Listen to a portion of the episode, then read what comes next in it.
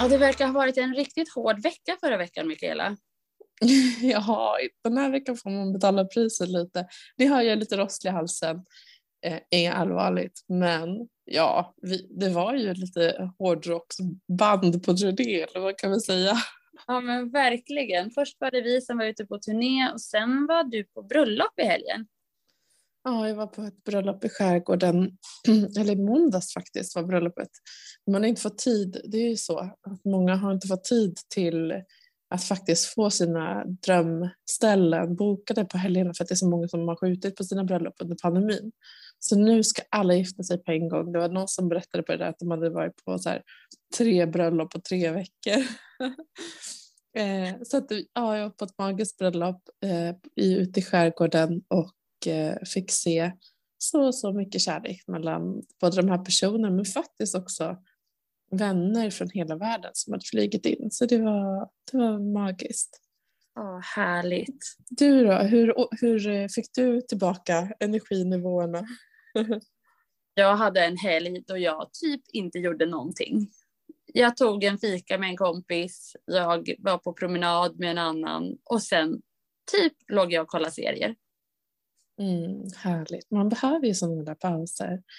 Eh, jag, jag, kan också tycka typ när man har mycket i vardagen och sen också vill följa med i exakt vad som händer runt börsen. Alltså det tar ju aldrig slut. Det är som en sån här ekorrhjul som, mm. som bara snurrar på. Ja, verkligen. Är, varje dag är det något nytt. Så att det, eh, ja, det tar mycket tid. Det är kul, men det tar mycket tid. Men mm. jag har haft ett litet annat projekt på gång för att min, vi håller på att renovera min pappas hus uppe i Östersund där jag kommer ifrån. Mm.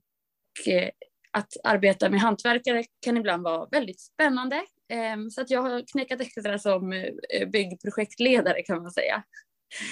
Eh, så vi håller på med ett jätteprojekt där vi både byter tak och sätter solpaneler och byter panel och, och fönster och sådär. Ehm, så nu var det dags för en av de sista stegen då. Äntligen är vi snart klara med det där. Så nu har vi under veckan, eller de har byggt eh, entrén. Eh, och då kom jag att tänka lite på det här med eh, virkespriser. Mm. Förra veckan så pratade vi lite om, om råvaror och hur råvaror generellt steg ganska kraftigt under pandemin. Eh, Likaså priset på virke för att alla ville börja renovera hemma. Eh, så det blev ju en, en riktig guldgruva där och, och, det såg man ju också då i, i, i de här aktierna som är relaterade till det. Eh, och sen så, ja, men sen kunde man se en liten avmattning eh, i, i vintras. Eh, men sen så fick ju virkespriserna ny fart eh, när, när Ryssland gick in i Ukraina. Eh, för Ryssland är faktiskt en av världens största leverantörer av, av virke. Visste du det? Ja, eh, jag vet att de har mycket skog, även Ukraina. Ja. Eh, men det som jag tycker också är spännande att det har ju också faktiskt speglats i de svenska aktierna. Både men, eh, Stora och, och Holmen och, är ju aktier som har gått ganska okej i år. Mm. Verkligen. Och sen, men det är ju också samtidigt höga förväntningar från, från aktieägarna. Så att, eh, eh, ja, det ska bli spännande att se vad, hur det går framåt. Men eh, jag hittade faktiskt en artikel eh, där det stod att första april i år eh, så hade man eh, så hade bygghandlarna i snitt höjt sina trävaruråpriser med, med 30 procent. Och då från, om man ser liksom tillbaka på två år så är det en mm. höjning med totalt 200 procent av virkespriset. Det är helt galet. Mm, det är det verkligen. Och här väljer det... jag att agera. mm. Men det, det, är, det har dragit iväg väldigt mycket mer än, än eh, andra råvarupriser. Så är det ju. Men jag tror, jag funderar också på, som du säger, att det finns mycket förväntningar i, i, hos investerare. Man försöker opportunistiskt hitta olika investeringsalternativ utöver de bolagen som nu faktiskt inte går bra. Mm. Och att det blir att man hittar, men man ser kanske att ja, men okej, Ryssland är en stor, det är som med Saab exempelvis. Eh, aktien har ju liksom nästan dubblats i år. Men ordrarna har inte trillat in än, utan det är ju väldigt mycket förväntan på att höga eh, avsättningar till militär ska liksom påverka för det blir, jag menar, det blir dyrt för, för, för bolagen också. De får högre kostnader utöver att de kan ta mer betalt. Liksom. Så att, ja. Precis, och någonstans så måste det väl finnas något tak där folk känner så här, nej men nu, nu är det faktiskt bra. Jag kan inte betala exakt hur mycket som helst. Mm. Vi kanske ska säga det också, Mikaela, att alla de bolagen som vi eh, pratar om här i podden, det är inga rekommendationer, utan att det är jätteviktigt att göra sin egen analys. Mm, bra, verkligen. Eh, det är kanske ett sätt att upptäcka bolag och eh, liksom börja läsa på om dem eller om de är verksamma inom något. Eh, jag vet i alla fall eh, jag har sett att eh, Holmen har ju gått lite sämre, de har inte gått lika bra som Stora Enso. En annan stor förändring eh, är ju liksom hur den svenska ekonomin påverkas också av men vad, Sverige som land, eh, hur klarar vi oss i relation till andra länder och så? Eh, och där så en nyhet som många känner kanske en viss oro för nu, men i och med att vi är högt investerade i bostäder, det är ju bostadspriserna som börjar backa tillbaka. Eh, och det jag ska säga där, som jag, tyck, som jag vill, liksom, en reflektion som jag önskar att, att man tar med sig som lyssnar på den här podden, det är att än så länge så ser det inte så allvarligt ut. Än så länge så om man tittar på för maj månad så minskade priserna på bostadsrätter med 1 procent i riket, eller i hela Sverige. Eh, och villapriserna var, ligger kvar på samma nivå. Och, eh, men årstakten på bostadsrätter har sjunkit eh, och för villor likaså. Och det här är svensk mäklarstatistik som kommer med ny data liksom varje månad som har kommit med den här datan. Men det som är, som man ser nu, att det sker väldigt få försäljningar och de försäljningar som faktiskt sker är de riktigt bra objekten. Det vill säga det som är lite sämre kvalitet blir inte sålt. Eh, så att det är när det blir sålt som man får en ny bas i liksom prisnivåerna. Eh, mm. Så att eh, det ska bli intressant att se vad som händer när vi faktiskt börjar få en mer fungerande marknad där vi säljer och köper som vi gjorde för några månader sedan. Ändå är ett mer normaliserat läge. Det känns liksom inte som, bara för att det går ner lite, att det är liksom någon, någon sorts kris, utan det har ju gått upp så otroligt mycket, så det är egentligen inte konstigt att, att det mattas av. Mm, nej men så är det. Men jag tror att man ska räkna med att det kommer att sjunka mer i och med att räntorna kommer bara stiga. Mm. Um, och det är ju, följer ju då liksom den nya siffror som presenterats från regeringen idag om hur inflationen kommer vara för 2022 och även in i 2023. Och man tror att den kommer att eh, ligga på 6,1 procent i snitt eh, under 2022 och sen sjunka till eh, strax under 3 procent för 2023 och att man kan nå det här 2% målet som Finansdepartementet vill, vill eh, uppnå på 2 procent i 2024. Eh, men eh, om man tittar då på hur den svenska ekonomiska tillväxten har varit så kan man ju titta på BNP eh, såklart och det har ju fallit tillbaka och man tror att den kommer att falla tillbaka ytterligare. Så att det har varit en, en otroligt stark återhämtning under pandemin. Men de här månaderna har ju verkligen hyvlat av den liksom starka tillväxten och man tror att, att BNP-tillväxten kommer att ligga på runt 1,1 procent eh, nästa år och 1,9 eh, procent i år. Eh, och det är ju inte en jättestark tillväxt, så är det ju. Eh, men det man ska hålla koll på också, det är ju arbetslösheten. Att det inte det blir en stagflation eller att, eh, att det blir svårrörligt att få ett nytt jobb. Det är liksom det mest allvarliga man kan uppnå. Så att eh, än så länge så är vi inte där utan vi, vi har jobb. Så. Men du har träffat en entreprenör i veckans podd. Ja, det har jag. En helt fantastisk eh, tjej med massor av energi.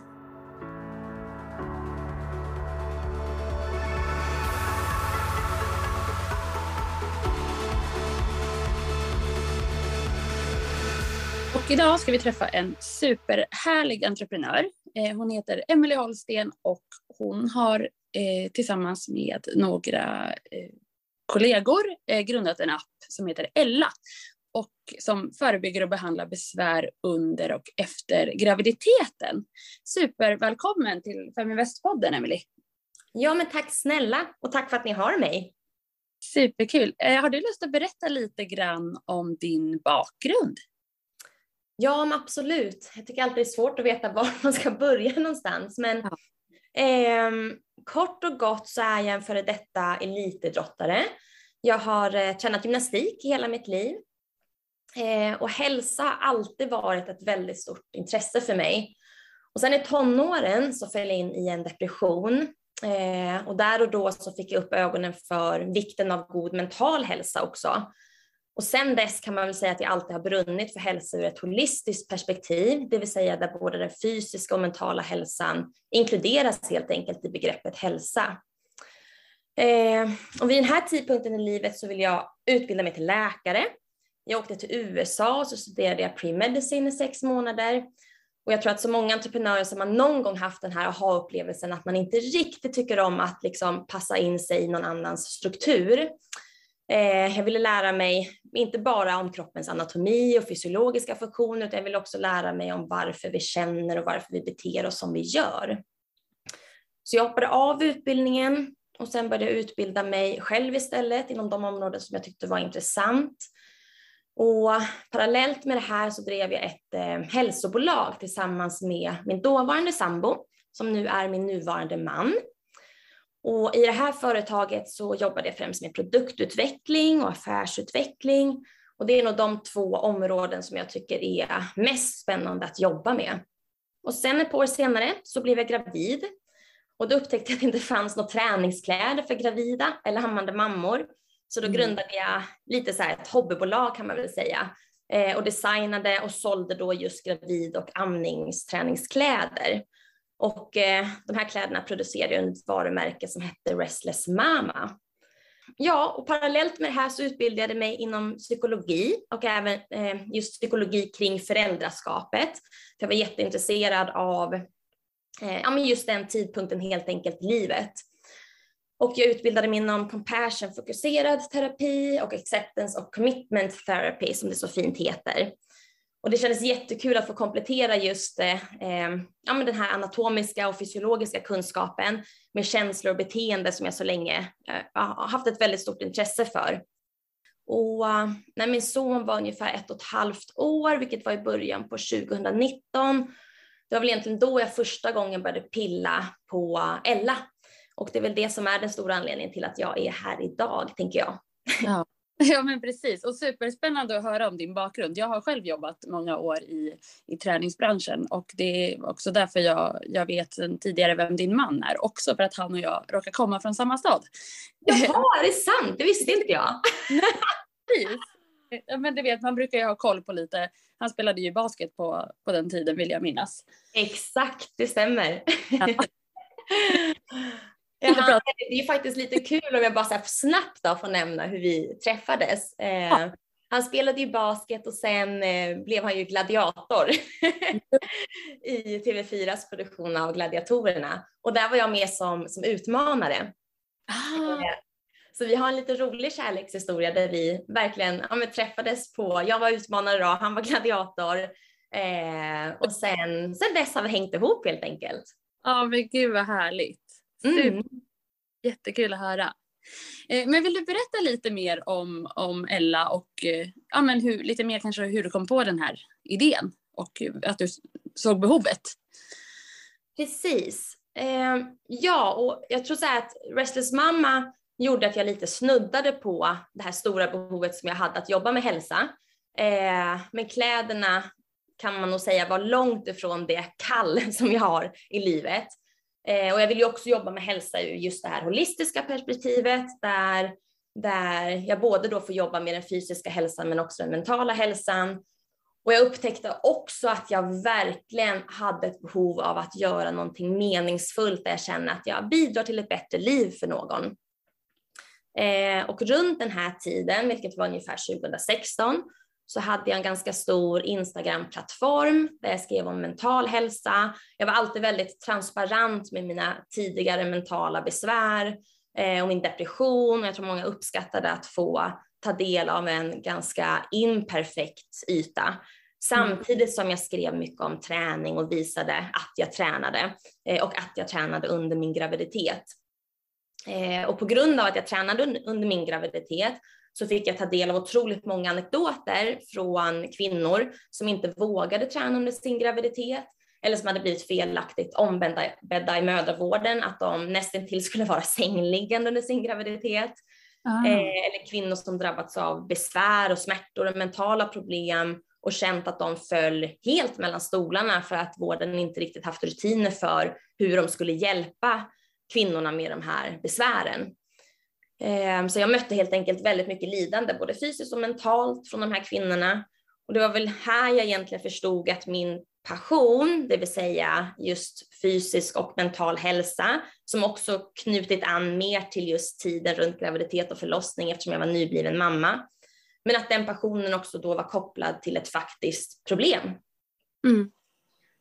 Eh, och då kände jag att det här vill ju jag hjälpa till med. Det här är det jag verkligen brinner för och det här är det jag vill göra.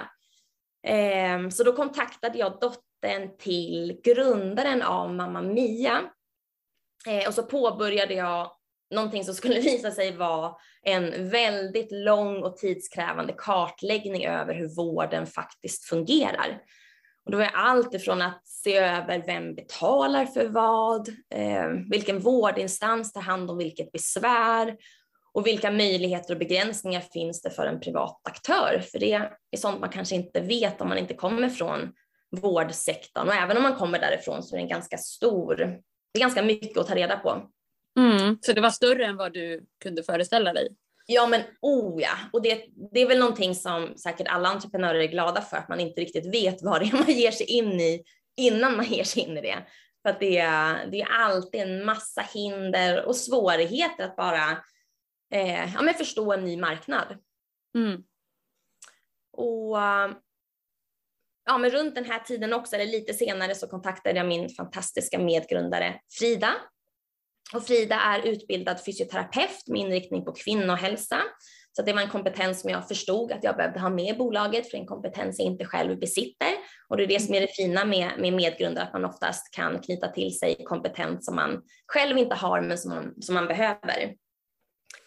Så under de kommande åren så jobbade jag för att kunna erbjuda ett eh, företag som verkligen stod redo eh, med investerare och redo att kunna erbjuda Frida en anställning så att hon skulle kunna börja jobba med mig istället. Och när jag kände att den verkligheten stod runt hörnet så knöt vi till oss fler medgrundare som hade kompletterande kompetens helt enkelt. Och sen började vi köra. Ja, och hur funkar, hur funkar appen? Hur ser liksom affärsmodellen ut? Eh, ja, jag kanske ska berätta vad Ella är för någonting. så, Ella är en medicinsk app. Eh, och det är en medicinsk app som kompletterar både mödravården och eftervården. Så det vi vill göra med Ella är att vi vill erbjuda kvinnorna ett tryggt och tillgängligt stöd. Och det här stödet både förutspår, förebygger och behandlar de här vanligaste fysiska och mentala besvären eh, som man då sällan ombesörjer i vården i dagsläget. Och besvären som vi kan hjälpa till med att behandla och eller förebygga, det är bland annat urininkontinens, rygg och bäckensmärta, illamående och yrsel, förlossningsdepression och nedstämdhet. Och vi kan även ge stöd efter kejsarsnitt och man kan få hjälp med sund viktuppgång under graviditeten, bland annat. Och eh, det ska väl tilläggas att vi lanserade för ungefär en månad sedan, eller snart en månad sedan, och i dagsläget så fokuserar Ella på digital fysioterapi där man får vårdmöten och man får sitt behandlingsprogram i appen. Men sen inom eh, ja, närmsta månaderna så kommer vi utöka med dietister och psykologer, vilket känns jättespännande för då får vi in än mer det här holistiska perspektivet som verkligen är en stark drivkraft för mig. Mm. Nu har jag eh, själv inte varit gravid, men jag tänker att det måste vara väldigt skönt att kunna eh, göra det här digitalt. Så att man inte hela tiden behöver, ja, beroende på vilka typer av problem man har, att man inte behöver gå till en, en liksom, mödravårdscentral utan att man kan få hjälp. Precis, och egentligen kan man ju inte riktigt få hjälp överhuvudtaget, eller kan och kan, men dels då på grund av, om vi bara tittar på fysioterapeuterna, eh, så finns det en fysioterapeut vidareutbildad på kvinnohälsa eh, norrutöver. Så att det är jättesvårt att få hjälp och nästan alla är också centrerade då i storstäder och det är mm. månadslånga köer på de platser där, där det finns fysioterapeuter vidareutbildade på kvinnohälsa. Mm. Sen är det väldigt få i mödravården dessvärre som vet om att det är just fysioterapeuter som hjälper till med de här besvären. Eh, de besvären som jag precis nämnde lite tidigare. Så att har du ryggproblematik, bäckensmärta, eh, urininkontinens och så vidare så blir man sällan skickad vidare till en fysioterapeut för att man har inte de rutinerna i vården helt enkelt. Mm. Eh, och det är, ja, så på grund av det så är det väldigt många som faller mellan stolarna. Och kejsarsnitt till exempel, eh, alla andra stora bukingrepp så får man rehabplaner efter, men inte om du har gjort kejsarsnitt. Så att kvinnohälsa, det saknas väldigt mycket, både resurser men också rutiner för att ta hand om de besvären som drabbar kvinnor. Ehm, och speciellt under den här tiden i livet. Mm. Så, så med det sagt så erbjuder vi då ett stöd som kanske inte riktigt knappt går att få heller, oavsett om det är fysiskt eller digitalt. Men det digitala är ju såklart en jätte eh, gynnsam faktor för den här tiden i livet för att speciellt när man har en nyfödd bebis så kan det vara lite svårt och jobbigt och bökigt att behöva resa någonstans, vilket gör att man kanske nedprioriterar sig själv också. Mm. Ja, men så, gud vad härligt att höra om. Men du får jättegärna prata lite också om hur affärsmodellen ser ut. Mm. Så det som är jättekul är att ungefär två veckor innan vi skulle lansera, och det här var en sån här riktigt svettig eh, mardröm under flera, flera, flera, flera månader, Eh, och det var att vi försökte då få till ett avtal med regionen. Men två veckor ungefär innan vi skulle lansera så satte vi det här avtalet, vilket var väldigt, väldigt, väldigt skönt, för det innebär då att vi är en del av primärvården i dagsläget. Och alla som vill använda Ella kan göra det till patientavgift och högkostnadsskydd, vilket innebär att man aldrig betalar mer än 1300 kronor per, per år. Och då kan du få precis all den hjälpen som du behöver. Eh, så man betalar då precis som egentligen när du ja, går till, till en fysisk vårdinstans och betalar patientavgift. Så betalar du patientavgift när du har ett vårdmöte hos oss. Och sen efter det vårdmötet så får du din behandlingsplan och det är ju då både ett träningsprogram så att för de som, som vill vara fysiskt aktiva då under sin graviditet så får man ett träningsprogram. Och sen får man även ett behandlingsprogram som, som behandlar då de eh, eventuella besvären som du har. Och sen över tid så kommer vi då, som jag sa, lägga till dietist och psykolog, så då kommer man även kunna få tillgång till, till kostplaner, ehm, eh, kurser för mental hälsa, det kommer tillkomma artiklar, podcast, föreläsningar och mycket, mycket mer i appen. Allting man kan tänkas behöva. Ja, exakt. Precis. Men är det så att, att, att eh, kvinnan då vänder sig till er en gång och, eller måste höra av sig liksom löpandes eller, eller har ni resurser att, att återkomma till, till kvinnan i frågan? Hej, hur går det? Liksom uppföljning på det sättet eller är det, ligger det alltid på Ja, men jag förstår din fråga. Det är, eh, vi, vi har ett litet så här, tänkte säga mantra, men det är väl fel att säga, ett litet motto. Mm. Där vi vill hålla kvinnan i handen. För det är det som vi dels har erfarenhet av själv, eh, men sen också hört andra berätta om, och det vet man ju oavsett om, om det gäller oavsett vilket besvär det gäller, men många har erfarenheten i vården att man måste kriga, det är långa väntetider, sen måste ja. du kriga för att få den vård du vill ha. Du måste oftast veta själv nästan vilket besvär du har och vilken behandling du ska ha för att du sen ska kunna kriga för den. Eh, och där vill vi vara en motsats. Så att vi, vi vill hålla kvinnan i handen och det kommer vi göra genom att dels kommer det finnas en jättefin samverkan mellan våra olika vårdprofessioner så att vi kommer alltid utbilda alla våra vårdgivare inom de andra vårdprofessionerna. Så låt säga att vi har då fysioterapeuterna. Då kommer de vara jätteväl medvetna om vad dietisten och psykologen kan hjälpa till med. Vi kommer även ha läkare och gynekologer på sikt, men de kommer då ha koll på vad de andra vårdgivarna kommer kunna hjälpa till med för att alltid då kunna eh, hänvisa vidare och ha, göra som en team effort. Att man får, får eh, eh, ja men helt enkelt ett team som tar hand om dig. Mm. Och sen kommer vi även ha, vi håller på att utveckla en, en väldigt spännande funktion i appen där det är, man kan kalla det för en AI-funktion som håller koll på, som frågar om och samlar in data från användarna och sen använder den datan för att förutspå besvär. Och genom att förutspå besvär så behöver kvinnan själv inte hålla koll på när hon behöver söka vård, utan vi kommer uppmärksamma henne på det så länge hon ger oss eh, data helt enkelt.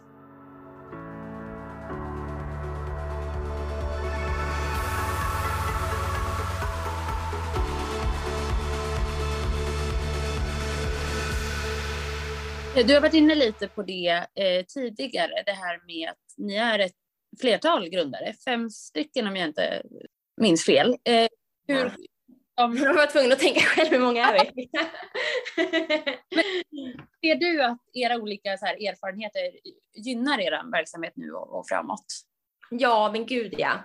Eh, så det är, är jag som har entre, vad heter det? entreprenörskap i bakgrunden helt enkelt. Entreprenöriell yeah. bakgrund. Eh, och sen har vi Frida som jag nämnde tidigare som är fysioterapeut vidareutbildad på kvinnohälsa. Sen har vi Stina som är eh, dietist och så Asabia som är barnmorska. Så fyra medgrundare är vi. Mm. Och sen hade vi en, en tilltänkt femte och det var en psykolog. Men eh, där kände vi lite när vi hade börjat jobba med varandra, det var inte riktigt en, en match. Nej. Så, Men har i att, att ni alla har den här bilden av eh, hur det funkar idag och att alla ni liksom kände att det är någonting som saknas? Ja, precis. Kollar man på, på Asabia Britton som hon heter, vår medgrundare, på hennes Instagram, hon heter eh, Asabia Britton på Instagram, hon är en väldigt, eh, väldigt känd barnmorska skulle jag säga. Hon pratar endast om tiden under graviditeten och tiden efter förlossningen och är så, hon brinner verkligen för, för de frågor som man associerar med den här tiden och är med i många podcast och i eh, Nyhetsmorgon och så vidare för att hon, hon eh, ja, men debatterar mycket och driver viktiga frågor inom det här området. Så att hon har varit eh, jätteviktig för oss att ha med för att hon på något sätt representerar och gestaltar precis det som vi vill göra. Mm. Eh, skulle du säga att det finns några konkurrenter och i så fall hur skiljer ni er från dem? Ja, det som är roligt är att kvinnohälsa har blivit väldigt eh, stort den senaste, den, de senaste åren får jag väl lov att säga, vilket är jätte, jättekul och det är väldigt viktigt tror jag för alla som är inblandade och har ett företag inom det här området så det är viktigt att vi, att vi lyfter det här området tillsammans. Eh, och jag skulle väl säga att våra, vi har ingen direkt konkurrent, eh, men den närmsta konkurrenten vi har skulle jag säga är Momentus. De, det vi gör annorlunda är att vi, eh, dels fokuserar vi väldigt mycket på fysioterapi nu i första, i första släppet. Och vi har ju allting är väldigt individanpassat. Det är verkligen kåren i det vi gör, att, att allting som vi gör ska vara individanpassat. Och där skiljer vi oss från Momentus. Momentus är nog lite mer lik vad man skulle säga Preglife, eh, men Momentus fokuserar enkom på tiden efter förlossningen. Vi har ju ett tidsspann där vi fokuserar på, på graviditeten också och vi kommer att utöka det här tidsspannet där vi även jobbar inför graviditeten så att vi har helt enkelt en längre customer lifetime. Eh, och sen har vi Leia som, som är en eh, AI-app. Jag tror de kallar sig själv lite för en eh, som en mensapp fast för tiden efter förlossning så man ska kunna tracka sina symptom och lite likt den, den funktionen tolkar jag som vi också vill ha det här att man ska kunna förutspå besvär. Mm. Eh, det vi däremot har sett, vi gjorde en marknadsundersökning i eh, vintras där närmare 700 kvinnor deltog, så det var superläckert.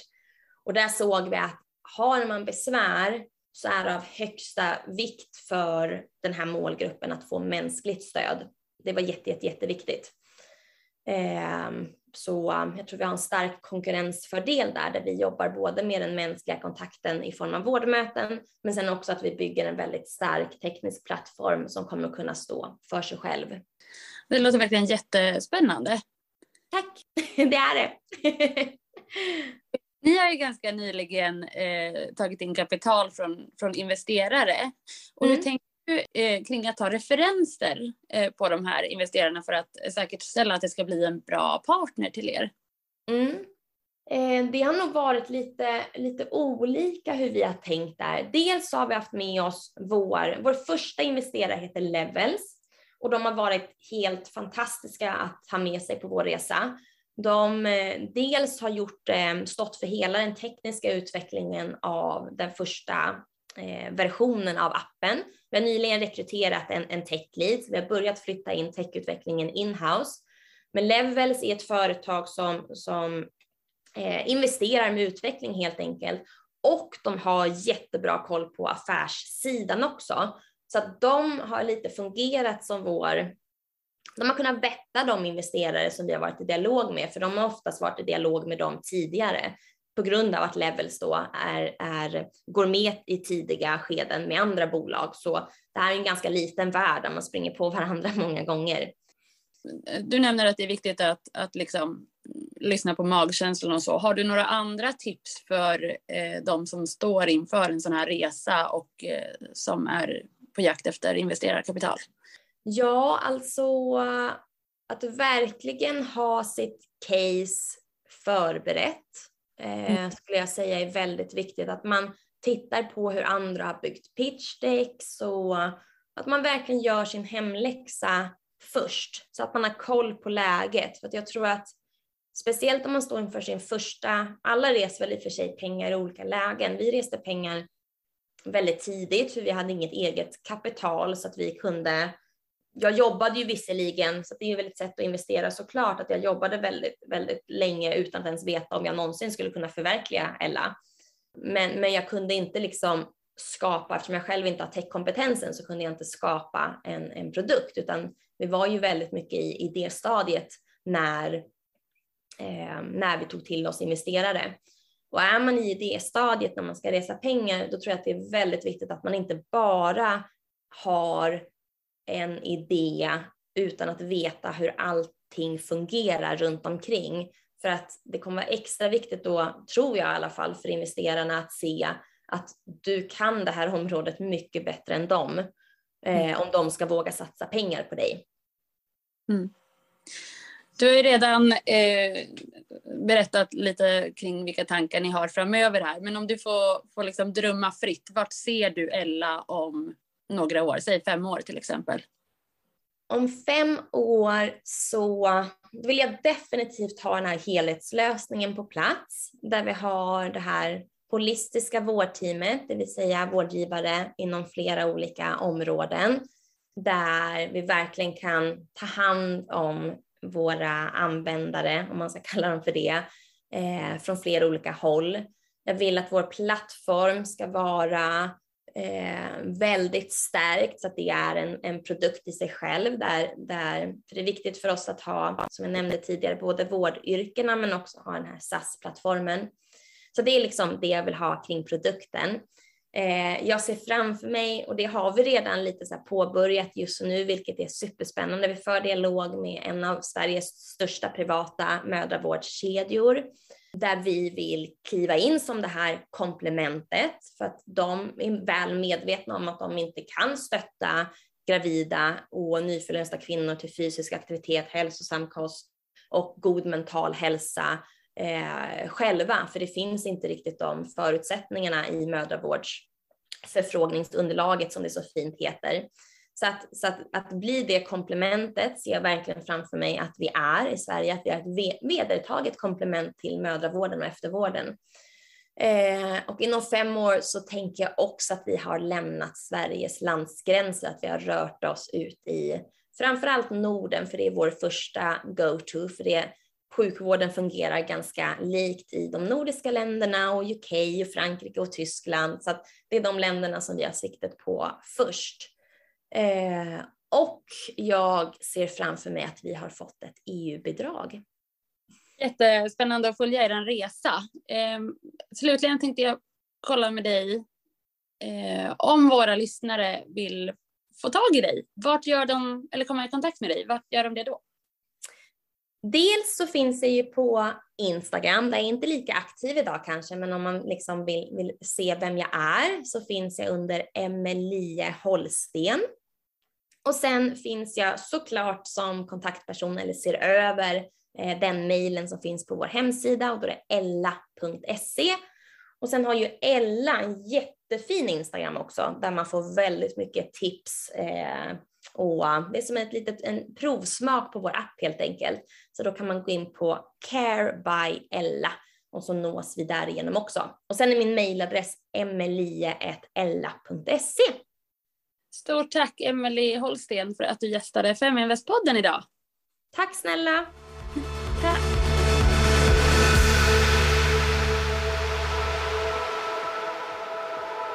Feminvest är Sveriges största investeringsnätverk för tjejer.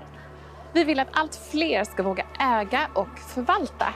Och hur gör vi då detta? Jo, vi vill inspirera, utbilda och utmana runt ägande, investeringar och entreprenörskap.